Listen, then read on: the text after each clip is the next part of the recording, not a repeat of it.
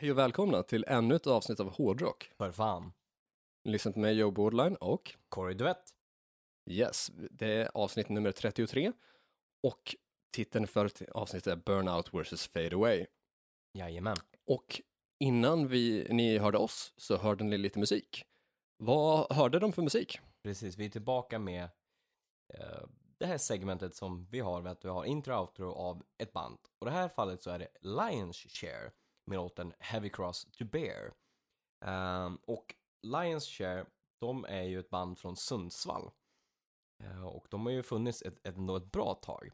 Eh, det är Mm. medlemmar från lite olika band som till exempel King Diamond, Hammerfall, Treat, Sorcerer, ehm, Glenn Hughes till exempel. Och Jaha, ja, det ser man. Ja, så det, det är väl lite grann av ett, vad ska man kalla det? Ehm, Ja men typ ett All-star-band ändå, som gör liksom egen musik. Och Ja, det eh, låter det som. den här låten som eh, ni hörde idag i intro och som ni också kommer att höra i outrot, eh, den är med på deras platta som heter Dark Hours från 2009. Okej, nice. Ja, det känns roligt att ha lite intro och outro-musik igen. Det förgyller ju vår podcast. Ja, jag tycker det också. Jag hörde att det var någon eller några som hade reagerat på att vi inte hade något outro heller sist när vi körde eh, pang på liksom snacket. Nej, nej men exakt, precis. Så att, eh, ja, det känns roligt. Eh, Gillar ni vad ni Mm. hör, gillar ni intro och outrot och gillar ni Lionshare så finns de på Spotify, YouTube och ja, de Facebook och alltihop. Så att det är bara in och kika dem. Yes, det tycker jag att de ska göra. Du, vad har vi för nyheter att dela med oss av den här veckan? Vi har lite mer nyheter den här veckan än förra veckan. Eh, vi har börjat plocka upp lite mer nyheter, eller rättare sagt det har hänt lite mer i musikvärlden. Så vi kan börja med, och det här känner du till, och Mm. jag vill då prata lite grann om eh, Chris Jericho och, eh, eller versus Sebastian Bach.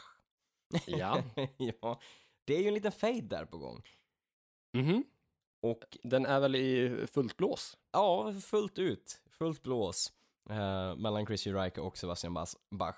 Sebastian Bach, han var ju frontman i Skid Row, han känner till, han har vi pratat om extremt mycket. Chris Jer- Jericho har vi inte pratat så mycket om, men han är ju sångare i ett band som heter Fozzy och också Mm. varit typ WW wrestling, någonting åt det hållet. Ja. Mm. Och det hela grundar sig i att, jag vet inte egentligen vad det grundar sig i, det är ju extremt töntigt, men det handlar ju om att Sebastian har väl anklagat honom för att inte sjunga live när de spelar typ. Nej, precis, att han lipsynkar. Ja, och att då Chris... Eller mimar då, som ja, mimar precis. Och att han liksom ska då, då skulle han hävda sig liksom och, och kommer ju ut en eh, a cappella-version där Chris Jericho sjunger Youth Gone Wild. För att Och det visa på att, ja det var så fruktansvärt dåligt. Men jag vet inte vad som är bättre, att, att liksom att de har den här faden och Chris Jericho lägger ut en sån liksom cover där det låter riktigt skit. Eller att Sebach, Sebastian fortsätter liksom bärsa på liksom. Jag vet inte, det är inte bra från något håll. Varför lägga den tiden och energin? Nej, alltså, vem bryr sig om Fossi? Nej, exakt. Jag menar, man kan ju tänka sig att liksom Sebastian ska vara lite över liksom själva den grejen att varför sänka sig till den nivån? Men det är klart, för mycket fritid i coronatider antar jag. Antagligen, vilket märks på hans liksom, så cameo-klipp också. Oh ja. Ja, nej, men det, det jag tänkte på där, um, Chris version av Youth Gone Wild är ju, den är verkligen jättedålig. ja. Så det, det måste han ju ha förstått själv, att den, det här klippet, det, det talar ju för Bach istället, att hans påstående om att Chris Jericho skulle eh, liksom eh, mima live. Så jag vet inte hur han tänkte när han gjorde det klippet, det, det känns som att det hade varit mycket smartare att gå vägen då att liksom säga att ja, men jag behöver inte bevisa mig för någon, eller liksom det här är bara löjligt, Ja, eller bara vara helt tyst. exakt. För att liksom spela in det här och publicera det här så bevisar han ju att han inte kan sjunga. Precis. Och att då Sebastian fortsätter Eller inte vet liksom. sin, röstbegränsning. Ja, nej men exakt. Ja, framförallt det. Och sen då att Mm. Sebastian liksom fortsätter med att verkligen bärsa. Det hade ju räckt med att han bara skrev ridå. Efter det här klippet kom ut. Det hade inte Mm, varit mer, alltså ja. det är ju ridå. Det är liksom, Ja. Han har ju motbevisat sig själv med liksom att han, han, han Chris kan inte sjunga. inte liksom, Nej, exakt. inte live liksom, utan studio går ju allting att få till, men det, det hörs tydligt att det där är inte veta sin egen, som du säger, eh, vart Mm. hans gräns går. Ja, alltså, jag, jag har inte stenkoll på Fosses låtar. Kanske kan han sjunga någon av sina egna låtar liksom. Säkert. Och då hade det varit rimligt om han hade kört någon av sina egna låtar a Som cappella han, liksom. ja, som han liksom behärskar. Ja, för att det var det som han skulle bevisa. Mm. Det är väl ingen som anklagar honom för att ja, liksom mima Skid Row-låtar live. Nej, exakt. Nej, fan. jättekonstigt val av låt också. Ja, verkligen. Jag vet inte riktigt, som att han skulle liksom tänka sig att han skulle mäta sig med Sebastian. Ja, men good luck. Exakt. det är dömt att liksom misslyckas.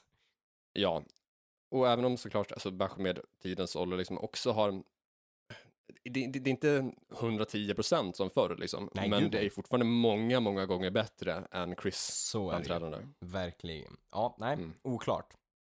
Mm, högst oklart. Vi rullar vidare. Ehm, en dokumentär har kommit ut eh, från ACDC och ACDC-campet har det varit tyst om väldigt länge, men det har kommit ut en dokumentär Ja. som handlar om, eh, eller för att hylla eh, 40-årsjubileet av eh, Back in Black. Mm. Så det är liksom en dokumentär om hur de gjorde Back in Black. Och det är ju ett definitivt bra val av eh, händelse att dokumentera. För er Verkligen. som inte har koll på varför just Back in Black är viktigt som dokument så, så dels så, det första skivan som AC/DC spelar in med Brian Johnson på, på Mm. sång då, efter att eh, Bon Scott kvävt av sina egna spyor då. Jajamän. Så det är alltså ett redan etablerat rockband som ska liksom göra sitt, sin comeback med en Mm. helt ny sångare. Ja. Och det här typ, kan- det går väldigt snabbt från, han, från Bon Scotts död till eh, ny skiva med Brian Johnson. Det gör det verkligen. AC/DC släppte väl någon skiva 79, Mm. undrar om det var Power Age, den kanske kom 78. Jag vet jag har för mig att Bon Scott dog eh, 79 Ja, och Back in Black släpptes 1980. jajamän. Så det är ju knappt ett år mellan dem och det blev en sjukt stor kassasuccé. Gud ja. Jag tror att det är det näst mest sålda albumet i världen. Det stämmer. Jag tror att det bara är Michael Jacksons Thriller som har sålt mer. Ja, det stämmer. Och jag har läst någonstans eh, det har sålt i över 50 miljoner exemplar. Fullt rimligt. Så därav finns det liksom säkert en hel del intressanta anekdoter där att prata Mm. om och eh, mycket, mycket tankar och sånt där som florerade som är liksom minnesvärda och som är värda att berätta. Ja, absolut. Det känns som att... Och den skivan är ju nästan som en liten greatest hits. Nästan varje låt är en hit. Ja, men alltså så är det ju. Det finns ju en anledning till att den slog liksom och det blev liksom, där snackar vi comeback-skiva. Ja. Däremot är det lite synd att de la nästan alla liksom sådana här starka 80-talslåtar på en och samma skiva. ja, absolut. Men eh, guld att kunna slå på den och att den liksom, man behöver inte byta låt och känna liksom att fan den här låten är svag. Utan som du säger, det finns ju inte. Det, jag, jag är böjd att säga att det inte finns ett, en svag låt på Back in Black. Nej, det är, det är en partyskiva dessutom. Det är det verkligen. Oväntat om AC/DC inte hade släppt Ölhäva Rock. ja, det är som att Air, Airborne inte skulle ha släppt ölhävar och Ja men exakt. Vidare på en till dokumentär som jag såg. Mm. jag har varken sett ACDC's men planerar att se den och jag har inte sett den här dokumentären heller. Som handlar Nej. om eh, Queen och Adam Lambert. Och den finns All right. dessutom på Netflix. Jaha. Då kan ju jag se den också. Ja, men exakt. Och för det som undrar, ACDC Back in Black-dokumentären finns på deras YouTube-kanal att titta på. Mm, ja men bra. Då kan jag också se den. YouTube har ju tillgång till. ja, exakt. Så där kan det ju, det känns ju som ändå så här två, eh, framförallt ACDC, men eh, ändå intressant liksom att kunna slå på en liksom Netflix-dokumentär om just Queen och Adam Lambert och Mm. typ hur det kom sig att liksom att han kom med där, inte som liksom fullt ut sångare utan som, utan de kallar sig för Queen plus Adam Lambert, men just typ Mm. valet av, av honom. Ja, och jag tycker att de, det blev ett väldigt bra val. Jag tror Mm. att vi har pratat om det i något av tidigare avsnitt, men Ja. jag såg Queen plus Adam Lambert på Sweden Rock Festival och det var riktigt grymt. Ja gud, han är ju Eh, en långt över fantastisk förväntan. sångare. Ja, det var det. Har vi fler nyheter? Det har vi. Eh, vi har en nyhet om eh, Great White. Mm, det har jag också hört talas om. Ja, och Great White hade ju en händelse alla 2000 någonstans va? 2003? Mm, exakt. Där eh, de eh, hade en konsert och eh, det blev liksom en förödelse där det omkom väldigt mycket människor i en brand. Ja, pyrotekniken krånglade väl och jag tror det var hun- typ 100 personer som dog, ytterligare 250 som skadades och gitarristen i bandet dog också. Exakt. Mm. Och då är det här, liksom det som har hänt nu. Det är inte Jack Russells wack, äh, Great White, utan det finns ju två stycken, ungefär som det har funnits med Ja. Rat och allt så här. Utan det är ju, Ra- äh, vet du det, Great White med Mitch Malloy eh, på sång.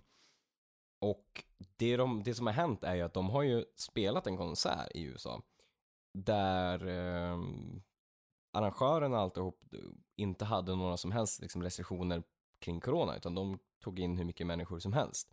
Mm. Och dessutom så genomförde ju Great White-konserten. Och jag tror också att det marknadsfördes med att det inte liksom var någon corona, Exakt, liksom så här regler alls. precis. Som att det skulle vara något positivt. Ja, eh, högst oklart. Och högst oklart av liksom Great White som har det här i bagaget att tänka liksom att hm, det här är kanske inte så bra att utsätta människor för i, i liksom det här coronaläget. Så där kan Nej, man ju det- snacka om att tabba sig igen. Eh, ja, alltså det är ju ganska stor risk att det blir en sån jättekatastrof igen. Ja, exakt. Och jag vet inte, alltså pyrotekniken 2003, det kanske var ett ärligt misstag eller någonting som strulade och liksom, Mm. ja men något som inte var med avsikt så, men det här är ju medvetet val. Så är det ju. Ge- Definitivt medvetet val. Absolut, det är det ju verkligen. De kan ju inte ha missat, alltså alla Great White-medlemmarna kan ju inte ha missat att coronapandemin pågår just nu. Nej, det känns ju väldigt orimligt att det skulle vara så. Då måste man ju verkligen haft huvudet under en sten. Ja, Å andra sidan så känns det som att om man fortfarande lyssnar på Great White så har man också haft huvudet under en sten. stämmer bra. De har haft typ en bra låt. Ja, det var det jag tänkte. Var de ens särskilt bra Ja, på den tiden då de ansågs vara bra? Nej, jag vill nog inte säga att de, jag tyckte de var väldigt, väldigt bra. Nej, Alltså jag, man har ju träffat otroligt många liksom så här hårdrockare under årens gång och Mm. har aldrig hört någon referera till Great White som ett favoritband eller aldrig någonsin Nej. hört någon slå på en platta med Great White. Nej. Utan det är väl typ en låt som ibland spelas på rockklassiker. Ja, och det känns ju också som att det är väldigt sällan. Av den anledningen att det kanske inte är så jävla bra. Mm. Nej. Men nog om Great White. Vi går till eh, gruppen Grateful Dead. Och Mm. eh, de släpper sneakers tillsammans med Nike. Eh, och vi pratade lite grann om tidigare, du och jag, innan vi spelade in där, vad, Mm. vad de spelade för musik. Men de spelar, då spelar psykedelisk rock. Ja, jag skulle säga LSD-rock. Ja, exakt. Och det som är så roligt med den här liksom Nike-skon är att liksom i Nike-skon så finns det som en, liksom en vad säger man, Eh, en sån här zip lås som man, liksom, som, som man kan ha liksom ett, Mm. en, ja, men stoppa in grejer liksom i Eller ett gömt fack. ett gömt fack. Eh, och den är liksom, den har eh, liksom själva zipplåset där liksom man har det här zipfacket så är det liksom en Mariana eh, blad. så att jag gissar att Diskret. det liksom är typ till för att kunna stoppa in lite saker i, liksom, som man tänker är, kanske inte är jättelagliga ibland. Nej. Men det är också så här, Eh, ja, typ hyfsat lagliga. ja, beroende på vart det är ja, exakt. Ja, om det är Ja. Kalifornien och sådär Mm. så är det väl lagligt och så. Mm. Och Ja, ett flest- antal amerikanska stater, Ja, en del andra länder också. Men exakt. det här är väl mer ett ställningstagande för de som bor på ställen där det inte är så lagligt. Precis. Och då känns det ju lite roligt av Nike också att liksom, liksom gå ut med en sån, eh, ja men skokollektion. men det är klart, det säljer säkert bra om det är liksom i just de här delstaterna som, som det är liksom fullt lagligt. Ja, det är jag ganska övertygad om också. Skulle vara dock lite roligare att beställa hem ett par liksom omkring Sverige, det är inte riktigt samma sak där.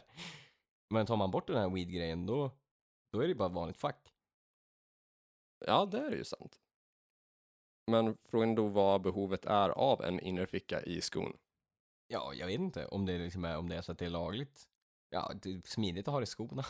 jag vet inte. Som att det skulle vara någon skillnad att ha det liksom i, jeansfickan än i skon. Ja, men det är kanske det är sällan du får skorna visiterade på samma sätt så som kan det ju vara. typ. Exakt, som, som Mm. fickor på så sätt. Å andra sidan blir du liksom så satt i typ fyllecell eller arresterad av något annat så lär de väl ta skorna också. Mm. Eh, det är inte så att du får behålla skorna på. Nej, nej det tror jag inte. Strumpor och underkläder däremot. Ja. Sista nyheten. Eh, nytt från Chris Cornell. Ehm, som de har spelat in innan han gick borta givetvis. Eh, men ganska tätt inpå han. Rimligtvis. Ja, men ganska tätt inpå. Um, så den har ju liksom mixat och, och masterats och blivit släppt. Och det är en cover på Guns N' Roses Patience. Det låter spännande. Den är riktigt, riktigt, riktigt bra. Den är en, e- är en egen tappning, men samtidigt så håller den liksom, håller den den viben. Men, ja, men Chris Cornell möter Patience. Och Är den grungig? den är inte speciellt grungy ändå tycker jag. Den, den är liksom mycket mer melodisk och, och på ett sätt som ändå håller den här röda tråden som vad, vad Patience och Guns N' Roses var. Så att det är lite mer åt liksom det här 80-tals rockhållet än vad det skulle vara grunge. Okej, ja, men det låter schysst. Så att den, den- och den kändes, den kändes ganska stor, jag vet inte exakt vad det är i mixen som gör det, om det är liksom någon typ av synt eller någonting så som ligger lite bak- grann i bakgrunden eller om det är någon typ av så här orkestermässigt. Men den kändes ganska, Mm. den, den kändes lite större eftersom att Patience, som den är med Guns N' Roses, är ju egentligen bara liksom akustiskt rätt upp och ner. Men här kändes det som att det var någonting i bakgrunden också som kände att det blev lite mer atmosfärisk låt. Okej, har de kvar visslandet från originalet? Nej, det har de inte. Hur eh, arrangerar de det? Är det helt borttaget eller är det omarrangerat till ett annat Det instrument? är Eller? omarrangerat och det är solomässigt och så är det bortplockat också så det går liksom från refrängen in på det här sticket som är på slutet av refrängen och sådär så att, eller slutet på låten. Så den, den är ganska cool liksom att man känner att det inte är en cover rätt upp och ner utan ändå i sin egen tappning typ. Ja, men precis, då verkar det ändå som att det händer någonting, någonting som, eh, som är lite annorlunda. Mm, ja men exakt. Så och det är ju så, he- helst så man vill ha en cover. Ja, gud Det ska ge ny- nytt ljus på en låt. ja. Så där har ni ett litet tips. Mm, lite tips.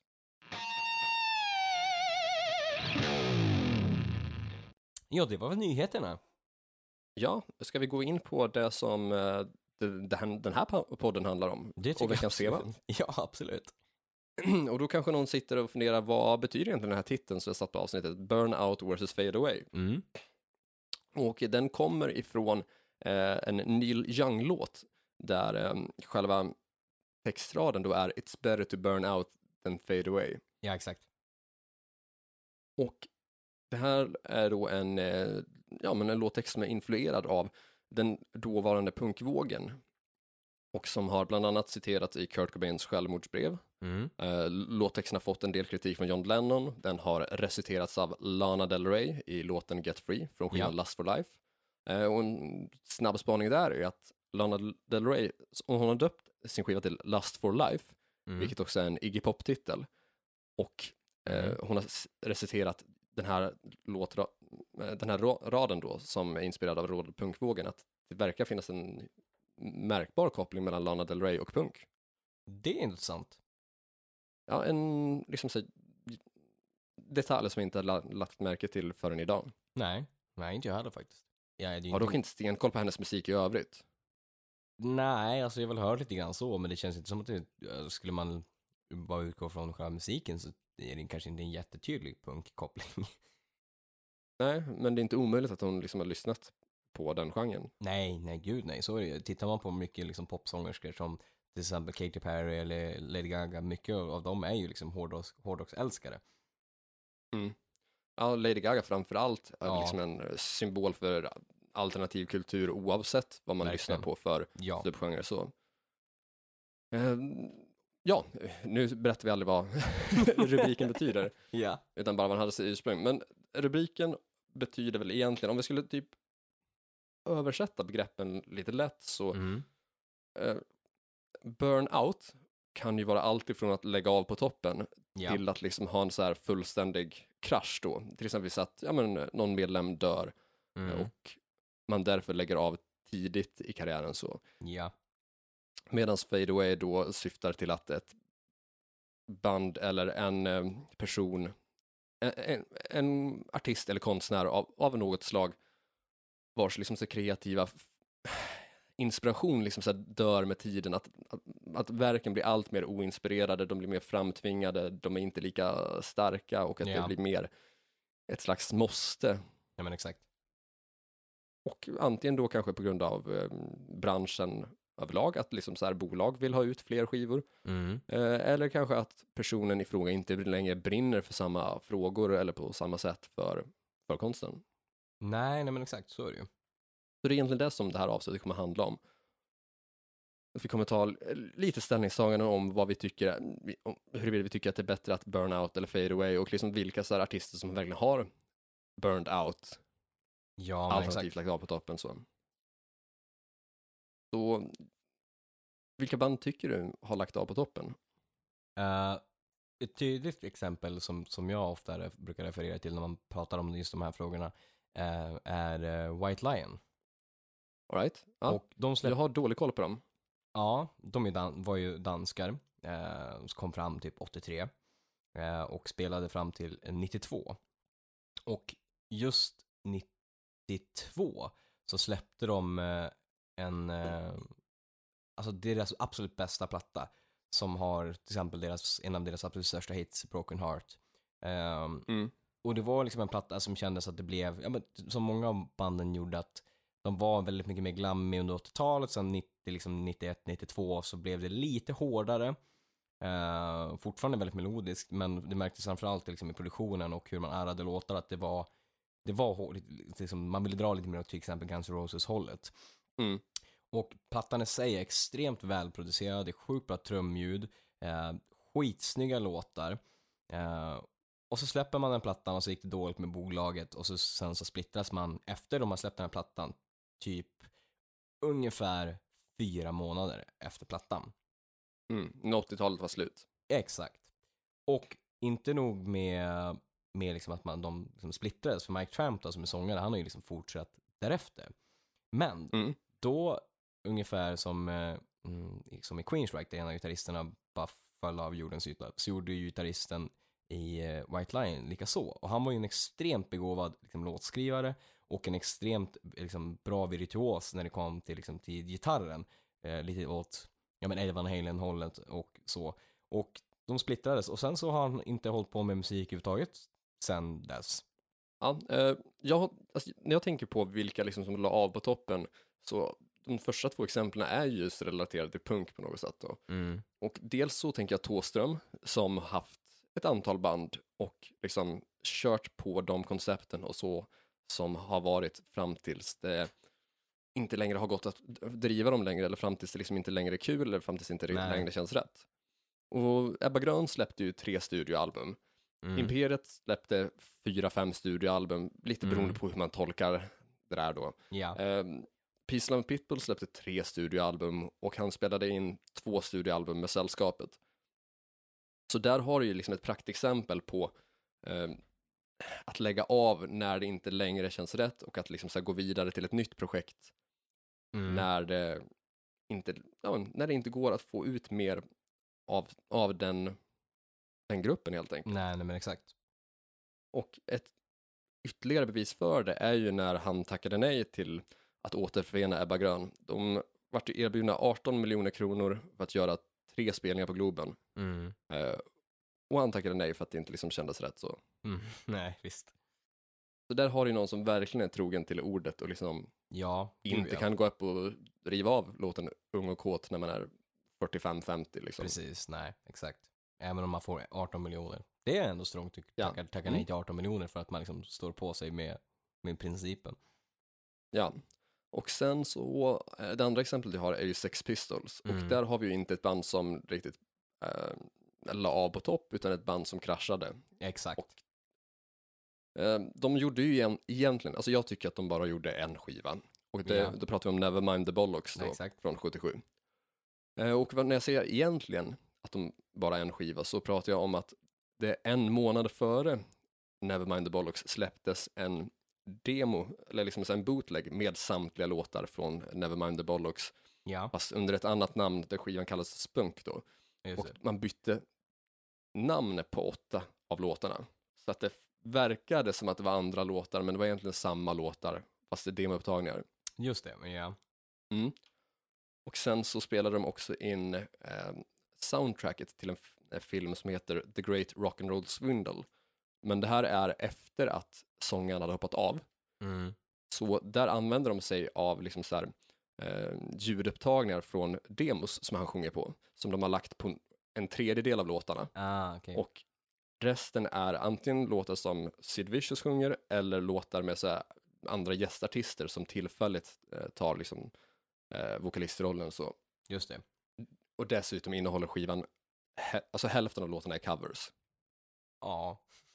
Och ett, ett antal av låtarna är återinspelningar av låtar från Nevermind the Bollocks fast i nya arrangemang eller med ett orkesterinslag eller en ny remix på den. Så Ja, exakt. jag, jag har svårt att kalla det för en skiva. Ja, ja, nej, jag håller med. Det kan fan i mig inte kallas för en skiva. Nej. Och det är ju definitivt skäl för sitt namn, The Great Rock and Roll Swindle, för det är ju lite av en cash grab Ja. om man liksom så här plockar ljudspår från demos för att lägga på sång och man tar in liksom massor med gästartister för att täcka upp och Mm. man kör hälften av låtarna i covers. Ja, exakt. Det känns inte så jävla punkigt att göra en cash grab.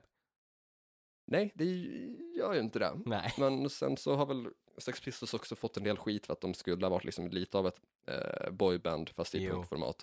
Exakt. Ja, nej, så Sex Pistols och Thåström är väl de så tydligaste exemplen på eh, band som kunnat lägga av på toppen. Mm. Jo, men, Men Sex. Pistols var ju också det här fallet drivna av att sångaren hoppade av och basisten tog livet av sig. Ja, jo precis. Så i så fall skulle vi också kunna räkna in Nirvana som Ja. släppte tre studioalbum. Absolut. Jo, ja, det var kanske går. lite svårt att fortsätta utan Kurt Cobain. Ja, det känns som så. Ja. Ehm, vilka band jaha, tycker vi har tinat bort istället? Vilka band är liksom så bra exempel på att ha fade away? Mm. Alternativt, vilka borde liksom ha lagt av tidigare? Vilka är på väg att så här, vattna ur sitt? Ja, där, Koncept och sitt det, alltså, varumärke. det, det känns som att jag har ty- finns, jag hittar tydliga exempel på vilka som borde lagt av tidigare. För det Mm. känns ju som att mycket av de här 80-talsbanden tynade ju bort och sen kom de tillbaka igen med liksom the revival 2000 och framåt. Ja. Mm. Så, så under 90-talet var de ju liksom helt bortglömda om man tittar till exempel på typ så här Poison och Firehouse och liksom och mycket av det och Danger Danger och så. Sen liksom fått en revival sen. Vissa, Ja. vissa har gjort det jävligt bra medan andra och ganska många borde ju fan ha lagt av där vid 90-talet och inte gjort något mer. Eh, och ett tydligt... Poison är ett bra exempel på det. Ja, jävligt bra exempel. Det enda de har gjort sen, sen tidigt 90-tal är väl en coverplatta som inte alls är bra.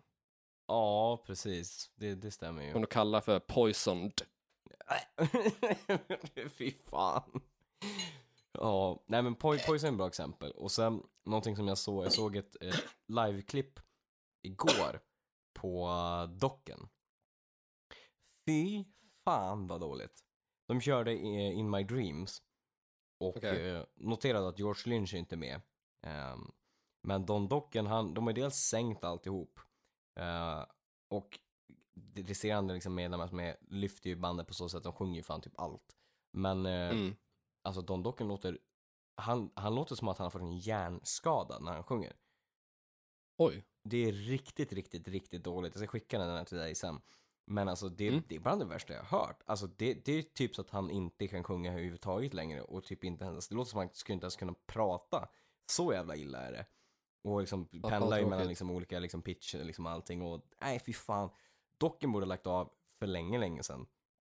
Men där är Bobby Kimball också ett tydligt exempel på när man kanske borde ha lagt av. Förvisso Ja. till hans försvar så han, har han väl ne- nedsatt hörsel. Ja, men typ såhär Men 50% då kanske inte- eller så.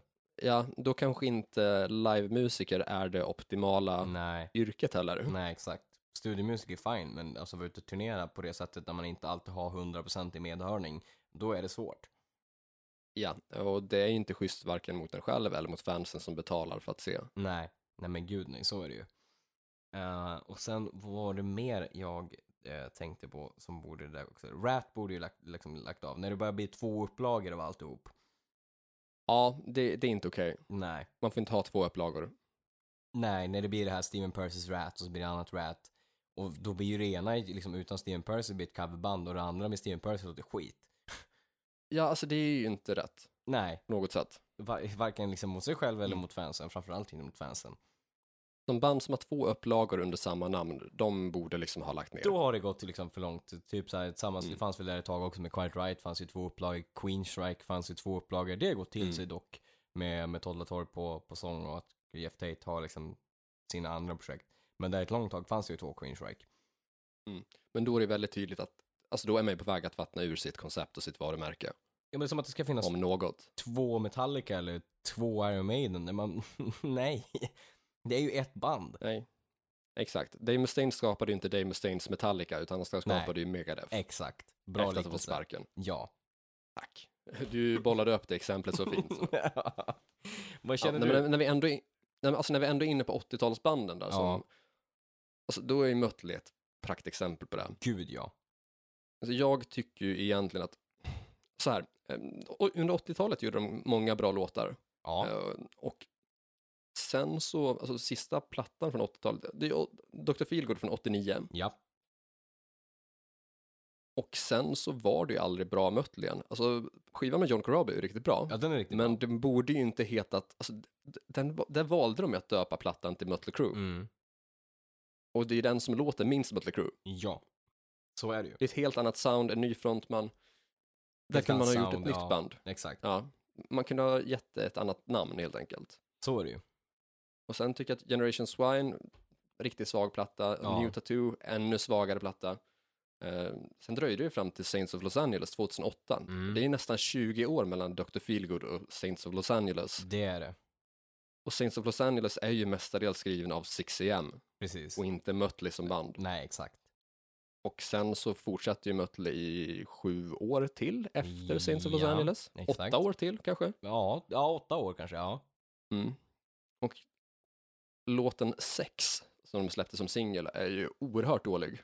Den är fruktansvärt dålig. Och extremt pinsam tit- äh, titel och text också med tanke på ja, det, det mesta egentligen. Men kanske Ja. framförallt liksom ålder.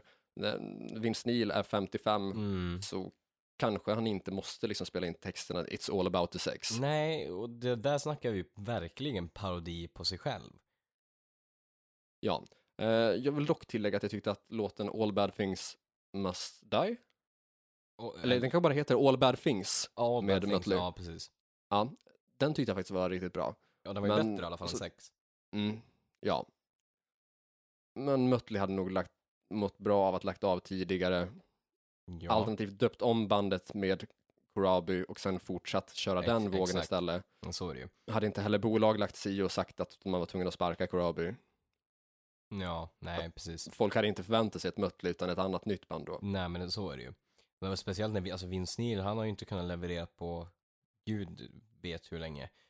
Och det, där har man ju verkligen liksom gått på, ja men man ska vara det här showbandet och så. Och det hade de, alltså, hade de inte hade släppt något bra liksom, eller musik, ny musik, men hade kunnat leverera live. Ja men fine, det hade varit Mm. okej. Men det har de inte ens kunnat gjort heller. De har inte kunnat släppa ny musik som varit liksom riktigt bra på hur länge som helst.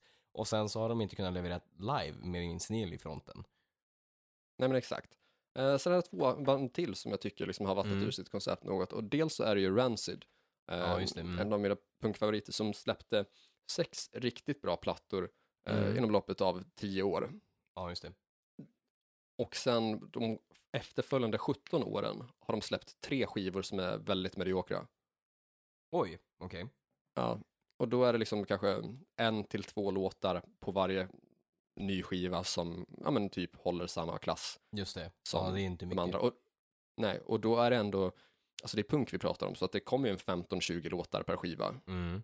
Så att det, att, det, att det då får till två som är riktigt bra, det är ju en övervägande majoritet av fillers och liksom onödigt Verkligen. material som inte någon tjänar på. Nej men gud ja. Då blir det ju bara tråkigt för att då får man ju se ett av sina favoritband bara bli sämre egentligen. Ja, och det är ju inte en speciellt rolig känsla. Nej, det, det kan ju inte vara kul för dem heller. Det, det är inte kul för någon. Nej, exakt. Ehm, och när du ändå liksom nämnde Metallica Mm. eh, tidigare, så, och vi var inne på att prata på det, så det är ju också ett sånt exempel som kanske, kanske borde ha lagt, lagt ner eller kanske borde ha tagit ett break ett tag. Eh, och, alltså, Ja, ett break Eh. kan jag hålla med om. mm, och jag, jag tycker att alltså, deras fem första skivor tycker jag alla är svinbra. Gud ja.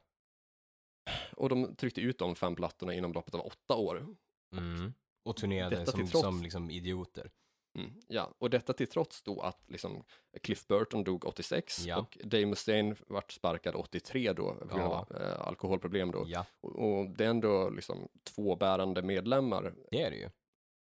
Cliff Burtons liksom del, eh, han präglade ju bandet starkt och Dave Mustaine var ju en av de ledande låtskrivarna i början av bandets karriär. Ja, Så liksom ha lyckats få ut de fem riktigt grymma plattorna är ju ändå liksom det är en imponerande insats. det är det ju absolut.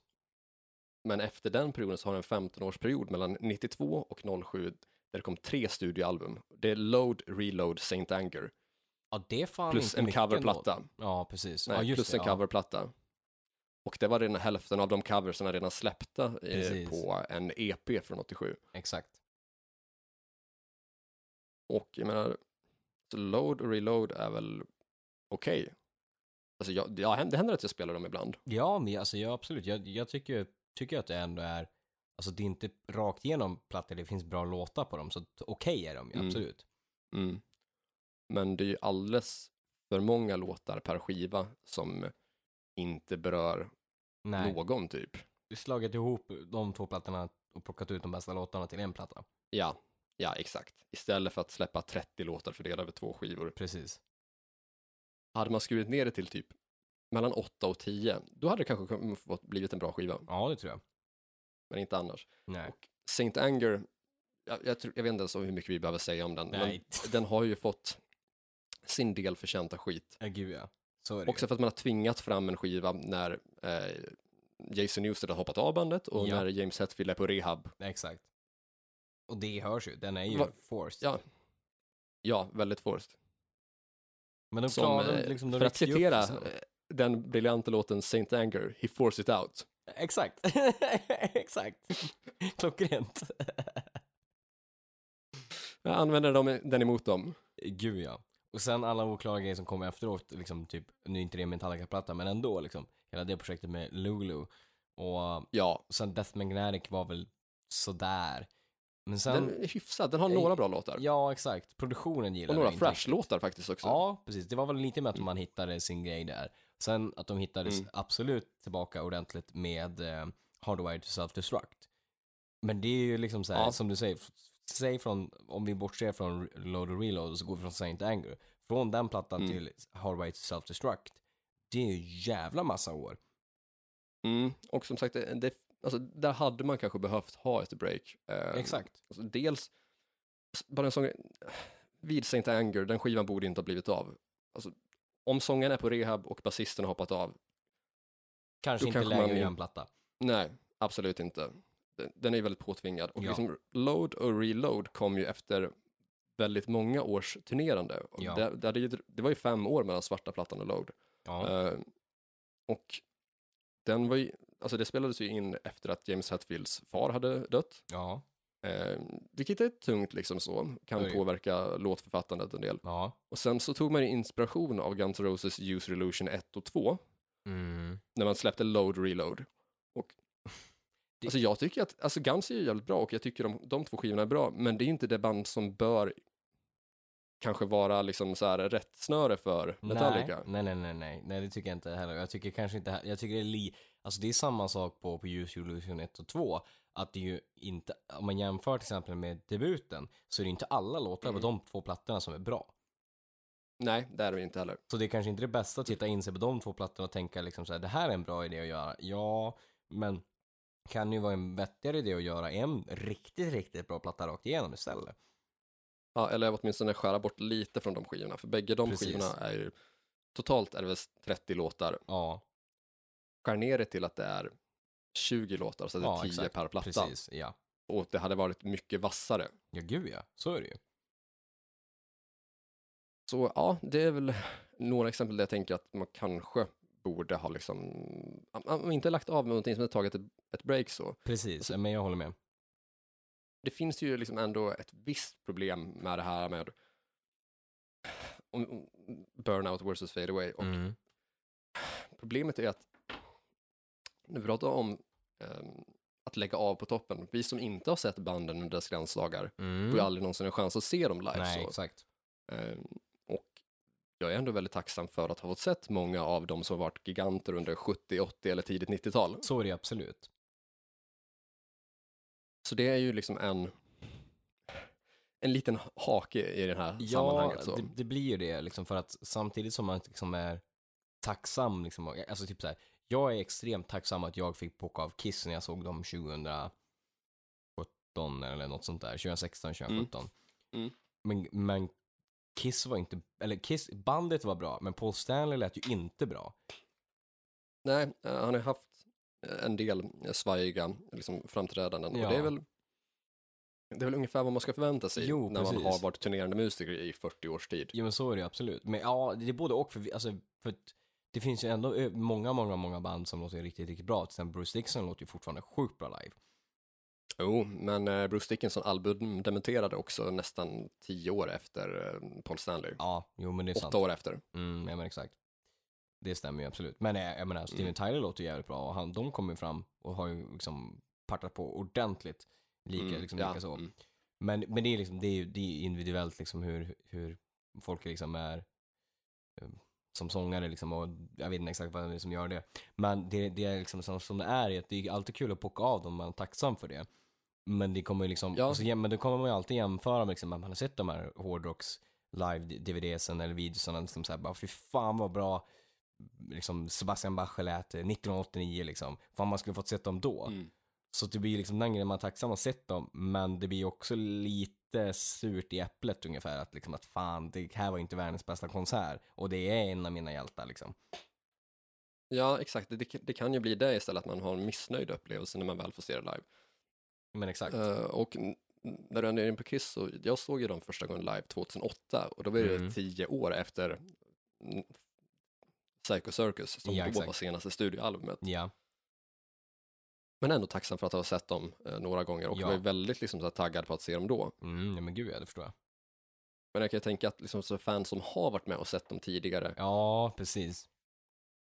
kanske känner att det är liksom lite gjort. Sådär. Jo, ja, ja precis. Alltså det måste väl bli så, alltså, speciellt om det är liksom, så här, tänk sett, jag måste som ett exempel liksom med, med Vince Neil liksom under 80-talet och så sen så går man och ser Mm. Vince Neil på sista turnén och bara, det här är urvattnat. Ja. Ja, och alltså, problemet med begreppet burnout istället blir ju lite grann det att ofta så ha, går det ju hand i hand med ett dödsfall. Ja. Och det är ju inte eftersträvansvärt. Nej, gud nej. nej, verkligen inte. Det, det ska ju inte vara en lösning. Nej, nej. Samtidigt så är det ju, alltså, det är ju lite ro, roligt med ett bands diskografi om liksom de samtliga verken är liksom guld. Att liksom Ja. kunna eh, lyfta ett band och säga att de här, den här gruppen har aldrig gjort en dålig skiva. Nej, precis. Men alltså ska man försörja sig på musik som, som karriär, för det, det är det ju också, Det är det ju. då blir det ju kanske svårt att, att ha en perfekt dis- diskografi så, Precis. tänker jag. Ja, men så är det ju absolut. Man måste ju få liksom ändra sound för att kunna utvecklas som musiker och liksom för att det fortfarande ska kunna vara kul Mm. som kreatör. Så är det absolut. Och liksom alla gör vi väl fel ibland om man liksom ska experimentera med någonting, om man liksom ska prova någonting nytt. Ja, Det är, man är inte proffs på allt från början och sen är det jävligt svårt att bedöma kanske vad som är en hit och inte mm. Men så är det ju. förrän det väl är släppt. Exakt. Och jag menar, det, det är svårt att veta vad som är liksom en hit eller rätt om man inte får göra fel också. Men exakt, så är det ju. Och återigen, man måste få försörja sig. Ja, gud ja. Eh, Jag tar ju ganska stark ställning från begreppet sellout och liksom Ja, eh, tycker att artister ska få ta betalt för meet and greets och vad det nu är för någonting. Alltså man måste kunna få tjäna pengar. Ja, Det ska inte vara gratis med konst och sen så behöver vi kanske inte gå eh, liksom till, till absurdum som eh, vissa medlemmar i Kiss gör. Ja, exakt. Men liksom man måste kunna få försörja sig. Alltså det, så är det ju absolut. det funkar ju inte om allt är gratis eller om man bara slutar med det enda man kan. Nej, exakt. Det, det liksom funkar ju inte riktigt så. Nej, så måste, vi måste ju ändå försvara dem som vattnar ur sitt koncept lite kanske, eller i alla fall till ett visst mån. Ja, till, precis, till en viss, till en Eller- viss mån. Eller, alltså, vi måste ju vi måste förstå att, det, att varför det går till kanske. Ja, jo men det tror jag är viktigt ändå. Sen så tror jag att många artister hade mått bättre av att köra som Thåström, Mm. att liksom bilda nya band Mm. när det inte längre känns rätt. Nej, eh, som precis. att Mötley kanske borde ha bytt namn med Corabi. Ja, Eh, Metallica kanske borde ha tagit ett break vid ett eller två tillfällen eller typ provat på något nytt musikaliskt projekt. Ja, så exakt, jo men det håller jag med om. Jo, man kanske inte borde ha slagit ihop Metallica och Lou Reed, Ah, utan nej. kanske hade det bara hetat, var det bättre om den bara hette Lou Reed, Exakt. fast Metallica var med som musiker Ja, eller som så här kompband eller någonting. Ja men precis, ja, men det håller jag med om. Så jag tycker det, det, är en, det är en ganska stor skillnad på liksom så här, alltså jag kan förstå att man kan tycka det är urvattnat och, och så om det är på grund av en, typ en rimlig orsak. Då kan jag stå liksom bakom det och liksom, som du säger, liksom, folk måste försörja sig. Typ att man blir äldre, att man sänker liksom, tonarterna för att som sångare så pallar man inte ligga när man är 65 bast på samma liksom varje liksom, konsert varje dag som man gjorde när man var 20 bast. Det kan jag Nej. tycka är fullt rimligt. Men är det på grund av sviter, på grund av att man äter liksom, fel och inte tränar och inte orkar liksom, säga orden som, eller sjunga orden man ska göra liksom, live så här. Det är ju någonting som man själv kan påverka och liksom ändra på. För, Ja. liksom, så här. Och då blir det så här, ja men då kanske man borde tänka om eller ta en paus eller göra någonting åt det hållet. För att det här är inte schysst mot någon. Nej, absolut inte. Och vi behöver väl inte ens nämna några namn, men jag vet exakt vilken, vem du syftar på. Och ja, exakt. det är ett bra exempel ändå. jag tror våra lyssnare vet också. Det tror jag också. Ja, det är väl ett återkommande namn på den fronten, där ja. Går lite sådär. Ja. Hint att han är nämnd tidigare i avsnittet. Ja. Eh, vad har du för tips för den här veckan? Jag har eh, ett tips med ett svenskt band som Mhm. heter Avatar. Okej, Och de har släppt en ny singel som heter Colossus. Ehm, all right. den är vad- lite vibes av Marilyn Manson. Eh, Okej, ganska coola liksom growl-partier och lite, lite så här viskgrejer som är lite så här Marilyn Manson-vibes. Ja, Samtidigt som Mm. den bara bryter av på till exempel refrängerna och blir sjukt melodisk. Och en rolig anekdot, liksom, eller inte anekdot, men en rolig liksom grej som jag såg i, efter jag hade lyssnat på den ett par gånger är att på, Mm. efter refrängen när de har det som ett growl-parti där de growlar just liksom låttiteln så är Cor- Corey Taylor från Stone Sour och Slipknot med och eh, growl-körar. okej, ja, nice. Vilket är intressant för de ligger inte på samma bolag eller sådär. Okej, ändå kul inslag. Ja, verkligen. Vad har du för tips? Eh, ja, ehm, i och med att jag har bärsat några band så tänkte jag att jag skulle passa på att åtminstone tipsa om någonting som jag tycker att de har gjort bra och som Ja. är lite förbisett. Och från Sex Pistols då, då tänker jag låten ehm, Stepping Stone, eller inom parentes att den heter I Ain't Your Stepping Stone. Ja, just det. Ja. Eh, förvisso en cover, men den låt som jag tycker är absolut starkast på The Great Rock'n'Roll Swindle. Yes. Eh, så den skulle jag väl vilja lyfta. Bra val. Man tackar, man tackar. Eh, och i vanlig ordning så ska ni som lyssnar på oss gärna följa oss på sociala medier, gilla våra Facebook-sidor, Mm. eh, vår Facebook-sida, Jajamän. klart, där vi heter Hårdrock. För fan. Och ni ska följa oss på Instagram, där jag heter Joey Borderline, ett ord, och du heter, Korriduvett, ett ord. ni får gärna mejla oss på hrffpodcast.gmail.com, ni får gärna stötta vår Mhm. Patreon på patreon.com slash hrffpodcast, eh, ni får gärna köpa vår merch via Facebook-sidan. Ja. Det är det va? Ja, vi har, vi har en YouTube-kanal, jag vet inte om vi nämnde det. Eh, som Ja, vi som sagt också ska pusha söker. för att det kom, kommer mer saker där i höst.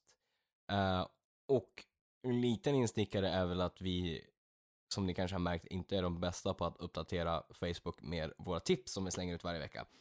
Så det är Nej, också, vi missar det ibland. Ja, så det är på gång att vi ska ta, ta igen oss där. Så att, Yes. Ehm, I övrigt, tack så fan för att ni har lyssnat. Eh, Och det kommer nytt avsnitt nästa vecka. Fram tills dess, lyssna på hårdrock. för fan.